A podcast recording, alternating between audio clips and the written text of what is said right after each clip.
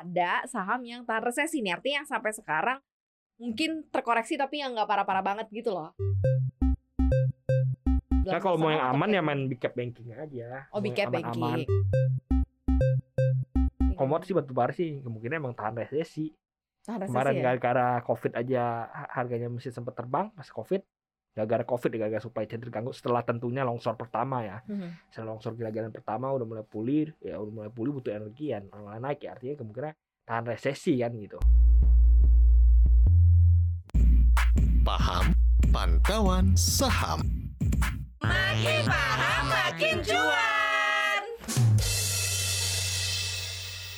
Sobat Cuan, selamat datang di podcast Cuap Cuap Cuan Seperti biasa hari ini ada pantauan saham, paham, makin paham makin Cuan, Yes, seperti biasa Maria Katarina dan juga gue Rating Research Service Indonesia. Ya, siap menemani Sobat Cuan ya untuk menambah lagi pemahaman Sobat Cuan seputar dunia persahaman dan percuanan. Ya, yang merasa bahwa akhir-akhir ini tidak begitu asik berada di transaksi di pasar modal karena mungkin bingung pilihan sahamnya, eh, bingung juga mau masuk ke saham apa, apalagi kondisinya resesi. Terus kata- kan di global nih lagi banyak eh, tren aksi beli dolar ya, mungkin dolar kan jadi benar-benar Hmm. perkasa banget karena lebih mikirin buat eh, punya cash. Nah, kita bahas soal saham-saham yang tahan resesi. Pertanyaan gue yang pertama ke Putra adalah apa ada saham yang tahan resesi nih? Artinya yang sampai sekarang mungkin terkoreksi tapi yang nggak parah-parah banget gitu loh. Jadi sebenarnya ini gue jelasin dulu ya resesi apaan ya. Jadi Kayaknya udah tahu sih sobat cuan, tapi nggak apa-apa nih. ya, ya ini banyak yang banyak yang bilang udah tahu tapi padahal Belum ngerti. kadang-kadang nggak ngerti gitu. Jadi Ah. sebenarnya resesi itu dibedakan jadi dua tuh. Mhm. Ada yang namanya resesi, ada yang namanya resesi teknikal. Oke. Jadi resesi itu kalau misalnya lu mengalami kontraksi di ekonomi di suatu negara selama dua kuartal berturut-turut secara year on year. Mhm.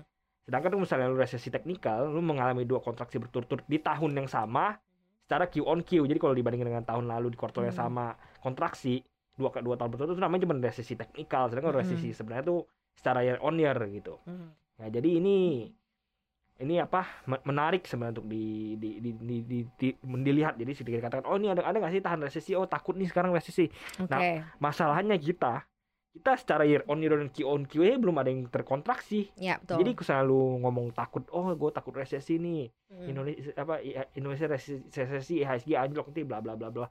Sebenarnya ketakutannya tidak beralasan karena secara kuartalan aja kita baik YOY dan Q on Q kita belum kontraksi gitu. Gimana bisa ngomong resesi? Mhm. gitu. Mhm. Mhm. Dan kemarin juga ada report dari IMF mengatakan oh Indonesia nggak bakal resesi bla bla ya. Kemungkinan besar emang kita nggak bakal resesi lagi. Karena katanya kemungkinannya juga cuma 3% kalaupun misalnya kita resesi, kena resesi gitu nggak kayak uh, Amerika yang kemungkinannya probability-nya 40-50%. Iya kemungkinan kita nggak bakal emang nggak bakal ya. Kalau dikatakan kira-kira kon- kontraksi kapan? Di kuartal 3 Oke kuartal 3 bisa kontraksi ya sial-sial ya. Hmm, Karena kan hmm. kuartal 2 kan kemungkinan kita nggak kontraksi ya. Q- Q2 2022 kemungkinan nggak kontraksi. Q3 katakan kontraksi. Q4 kan pasti belanja naik kan karena dekatnya akhir tahun ya. Udah Jadi, ya. Ya berarti kemungkinan tahun baru Q4 ya. nggak mungkin kontraksi.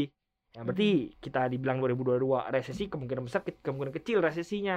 Oh, Gitu. Berarti kalau yang terjadi sekarang ini eh, karena udah sell in May and go away, nanti sampai September ya wake me up eh, when September's end. Berarti baru di situ nanti ada gairahnya sekarang berarti harusnya ngumpulin dong ya.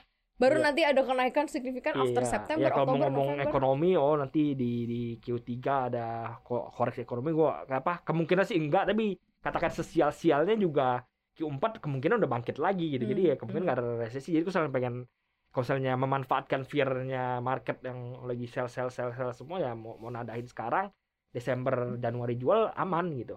Iya ya, kenapa harus lo takut ya? iya, Sementara di karena tengah kemungkinan kita nggak bakal resesi. Iya, selain itu, selain nggak mungkin ya, ini justru malah saham-saham yang mungkin lagi lo incer selama ini lagi diskon-diskonnya gitu kan. Hmm. Sekarang malahan jangan takut.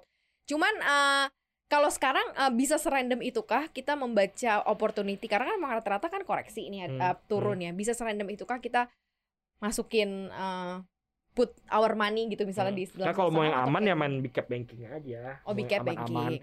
itu BCA kan masih YTD-nya masih merah ya dan mm, mm. 20 tahun terakhir apa 10 tahun terakhir 15 tahun terakhir tuh YTD-nya BCA nggak pernah merah bahkan ketika pandemi 2019 2020 BCA kagak merah nah artinya apa artinya kesannya BCA merah ya lu tadahin aja karena akhir tahun kemungkinan bakal hijau lagi gitu Mhm, mhm. gitu Selain big cap banking, apa yang bisa diperhatikan? Kalau banking kan udah jelas nih tadi udah satu dimension Putra uh, BCA gitu ya, Hmm. karena year, year to date-nya nggak pernah merah, sekarang lagi koreksi lagi merah gitu. Mumpung kapan lagi?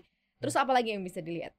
Ya cap aja kalau mau main aman nih kalau selalu ma- masuk sekarang kan. banking, cap mining gitu. Iya iya iya selalu mau masuk sekarang kan artinya lu pengen jualan Desember. Mhm, mhm. Ya Santa Claus Rally Januari lah mentok-mentok ya. Udah lu ambilin cap Telkom, Astra itu cap yang top 10 top 10 gitu Mhm, kecuali ya yang ya nggak usah disebut lah yang yang market cap di atas 100 tapi yang kurang perform kayak ya, yang yang masih belum terbukti gitu. Ya adalah bank-bank digital atau sih. apa gitu. Digibank. Ya, itu nggak usah dilirik ya big cap yang cap aja gitu. Nah kalau sekarang sebenarnya kontraksi yang dialami di market kita ini karena apa sih sebabnya? Karena kalau gue perhatiin kan em, transaksi juga nggak gitu rame-rame banget nih. Kalau kemarin kan kita sempat ke 16 triliun, 18 triliun, 20 triliun. Terakhir belakangan ini dua minggu ya gue siaran di studio tiga mingguan lah itu Hmm. kayak sekitar 8 Emang- t 10 Emang t sepi, emang sepi lagi sepi. kan. Nah ya. ini kalau lihat dari sisi faktor eh, rapot transaksi, kenapa ada apa sama market kita sebenarnya? Satu retail udah nggak banyak transaksi sekarang. Ya retail pun kecil tapi ya nambah-nambahin. Satu Mhm. udah Mhm. transaksi udah udah makin dikit karena kode broker ditutup, asing ditutup ya, ya. ya jadi udah pada pada kurangin transaksi ya. Satu itu, dua ya emang asing lagi jualan. Jadi Hmm. asing jualan ya kalau mau transaksi gede kan lokal nampung tapi lokal nggak mau nampung lokal nampungnya seadanya aja ya jadi transaksi kecil karena Hmm. sahamnya emang, emang lagi turun kan tujuh ribu ke sempat ke enam ribu lima ratusan Iya iya iya iya. Ya, iya. itu kan memang ada ada yang jualan ya Mhm. asingnya jualan gede banget ya udah lokal lokalnya juga emang masih belum mau siap nampung gede ya transaksinya jadi kecil akhirnya Oke, jadi karena dua faktor ya, retailnya nggak banyak transaksi karena itu tadi gue juga sempat mengira bahwa ketika kode broker ditutup nih mengurangi sedikit banyak minat eh, domestic retail Iya, kita tapi sebenarnya. ya dikit, dikit, gitu berapa sih transaksi ya. retail sehari Iya, dikit. Nah, terus kemudian yang ini yang paling jelas banget adalah karena memang asingnya lagi eh, keluar ya, lagi iya. lagi lagi nggak asik. Nah, sampai berapa lama lo lihat bos situasional ini akan terjadi Di- dari level-level yang dibentuk sekarang apa mungkin akan ada level koreksi baru kemarin gue kalau nggak salah sempat ngobrol sama salah satu analis dari sekuritas apa gitu bahwa ruang ke 6000 nih gede banget sebenarnya untuk IHSG ke enam ribu. 6000 enam ribu pas gitu. Mm-mm. agak jauh lah kalau enam ribu. Sekarang kan enam ribu 500 Delapan sekarang. iya 800 iya. Kan dia 6000 68. bilang ya. Ya kalau mau ngomong support kuatnya sih di enam ribu tapi kan most likely nggak bakal nyentuh ke sana lah. Most likely Hmm. nggak jatuh ke sana lah nggak ambruk ke sana. Ya enam enam lima satu sekian itu udah kuat kemarin. Udah 65 udah, oke. udah, udah, udah agak kuat supportnya. Kalau jempol lagi paling ke enam tiga. enam tiga udah udah udah bottom itu ya rentang apa periode koreksi kita udah nggak banyak lagi Hmm.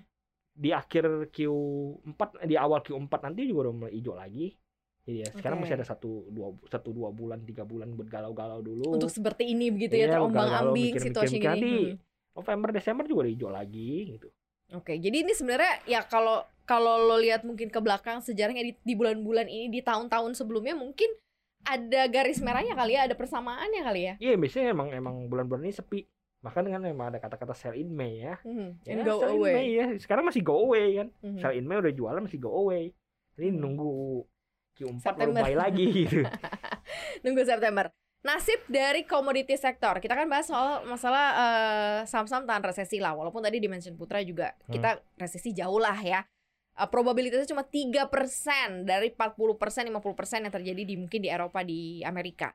Nah, eh, sekarang yang driven market sekarang kan yang lagi favorit apalagi kemarin CPO dibuka kerannya kan. Jadi kan langsung melambung tuh saham-saham palm, palm oil, palm oil. Terus eh, sekarang kita lihat di komoditi sektor batu bara yang kayak gitu-gitu. Ini lu ngeliatnya Ko- kayak komoditi batu bara sih kemungkinan emang tahan resesi Tahan resesi kemarin ya? gara-gara covid aja ha- harganya masih sempat terbang pas covid gara-gara covid gara-gara supply chain terganggu setelah tentunya longsor pertama ya Mhm. setelah longsor gila-gilaan pertama udah mulai pulih ya udah mulai pulih butuh energi kan mulai naik ya artinya kemungkinan tahan resesi kan gitu Mau resesi di belahan dunia mana pun dia tetap akan membara. iya iya jadi ya emang em, bukan ya justru karena supply chainnya terganggu gara-gara covid yang menyebabkan resesi ini sebelumnya yang 2020 ya Mhm. harganya naik kan lalu tambah konflik Rusia Ukraina ya makin menggila dan kemungkinan besar masih akan bertahan tinggi di Berapa lama nih lo lihat sampai akan sampai H1 tahun depan uh, Q1 atau first H1 Q, tahun depan Q1 ya. 2023. dan tinggi ini tuh gini maksudnya gue kasih contoh ya batu bara tuh 400-an sekarang pas 20 pas Ya, 30 ya. ya Komoditas kalau price-nya ya. turun ke 100 aja itu udah tinggi harganya itu juga gitu. udah untung dari apa eh, Iya. ongkos produksi yang cuma Iya,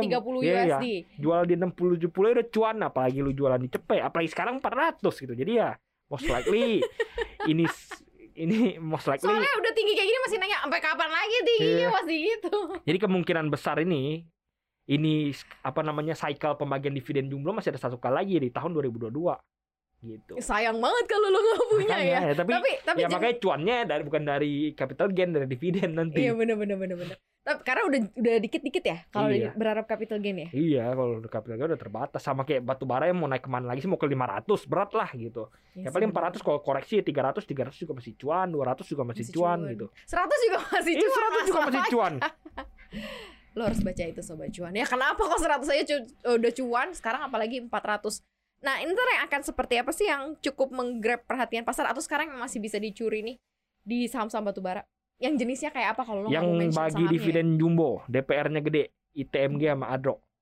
Ya karena gue Oke. tadi gue bilang kalau dari dari itu terbatas dari capital gain udah terbatas ya dari dividen nih ya yang mana yang bagi dividen gede gitu kalau lu pengen judi pengen judi yang gainnya kemungkinan lebih besar besar per Adro Adro ITMG kan mungkin cuan dari dividennya paling berapa lah Hmm, 20 persen 30 persen nanti Hmm. yieldnya terus lu pengen pengen tanda kutip gambling ya masuknya ke Indi itu walaupun indinya nggak ada dividen ya kalau pengen gambling indinya kemungkinan beggar masih ada indinya tuh Oh, masih bisa. Tapi walaupun Be- kecil ya. satu? beggar satu paling tapi kecil satu ya. kemungkinan beggar satunya sekarang kan dua ribuan naik empat ribu masih masih terbuka Itu peluang lumayan. naik sana terbuka peluang ya paling lu 70-80 persen jualan kan lu lebih gede daripada 20-30 happy gitu Iya iya bener sih, bener loh. Ih ini menarik banget. Nah terus kemudian eh, palm oil CPO. CPO juga sebenarnya masih harganya tinggi walaupun udah koreksi parah kan itu sebenarnya masih harga abnormal itu harga normalnya low 3000 high 2000 jadi sekarang tuh sebenarnya harganya masih harga abnormal jadi masih gitu. masih cuan kalau jualan gitu. Orang teriak-teriak oh harga CPO turun kiamat CPO bla bla bla bla. Padahal harganya masih tinggi sama kayak batu bara gitu. Karena orang terbiasa dengan harga super normal. Bener. jadi ketika harga turun abnormal sedikit jadi dikatakan oh ini turun nih ini bla bla bla padahal kagak. Masih Ben- cuan gitu. Lu masih cuan masih nanya lagi ya, Iya, cuannya masih kurang aja gitu. Nah sekarang untuk memanfaatkan situasional menunggu momen tadi yang disampaikan sama Putra sebagai retail-retail lucu-lucu ya kan sobat cuan. Ini harus kayak gimana nih? yang tadahin aja kalau pengen Tadahin kalau, aja, kalau misalnya orientasi lu jangka menengah panjang tadahin aja orientasi lu mau pengen jualan Januari ya jualan itu tadahin aja pelan-pelan ya tentunya ya tadahinnya jangan all in langsung ya kalau dia turun tambahin barang kalau turun tambah barang kalau gajian injek RDN beli barang gitu Hmm. ya kalau pengen cuan tipis-tipis ya mainnya ya pikir-pikir aja gitu Oke, se-easy itu ya. Jadi kalau balik lagi uh, soal resesi, berdasarkan data-data mau resesi ekonomi maupun teknikal, kita belum ada yang terkontraksi. Jadi ya jangan setakut itu gitu ya. Walaupun mungkin market harus adjust juga dengan kondisi-kondisi baru tanpa tanpa uh, kode broker dan lain-lain, tapi tetap tetap berinvestasi itu penting. Sobat cuan. Thank you banget udah dengerin kita hari ini. Jangan lupa untuk dengerin podcast kita lainnya juga di Apple Podcast, Google Podcast, Spotify, dan juga Anchor. Follow akun Instagram kita di @cuap underscore cuan. Jangan lupa untuk subscribe YouTube channel kita juga di cuap cuap cuan. Like, share, dan komen. Yang manis-manis sobat cuan. Jangan lupa juga podcast kita hari ini tayang di CNBC Indonesia TV. So, Maria pamit. Putra pamit. pamit bye, -bye.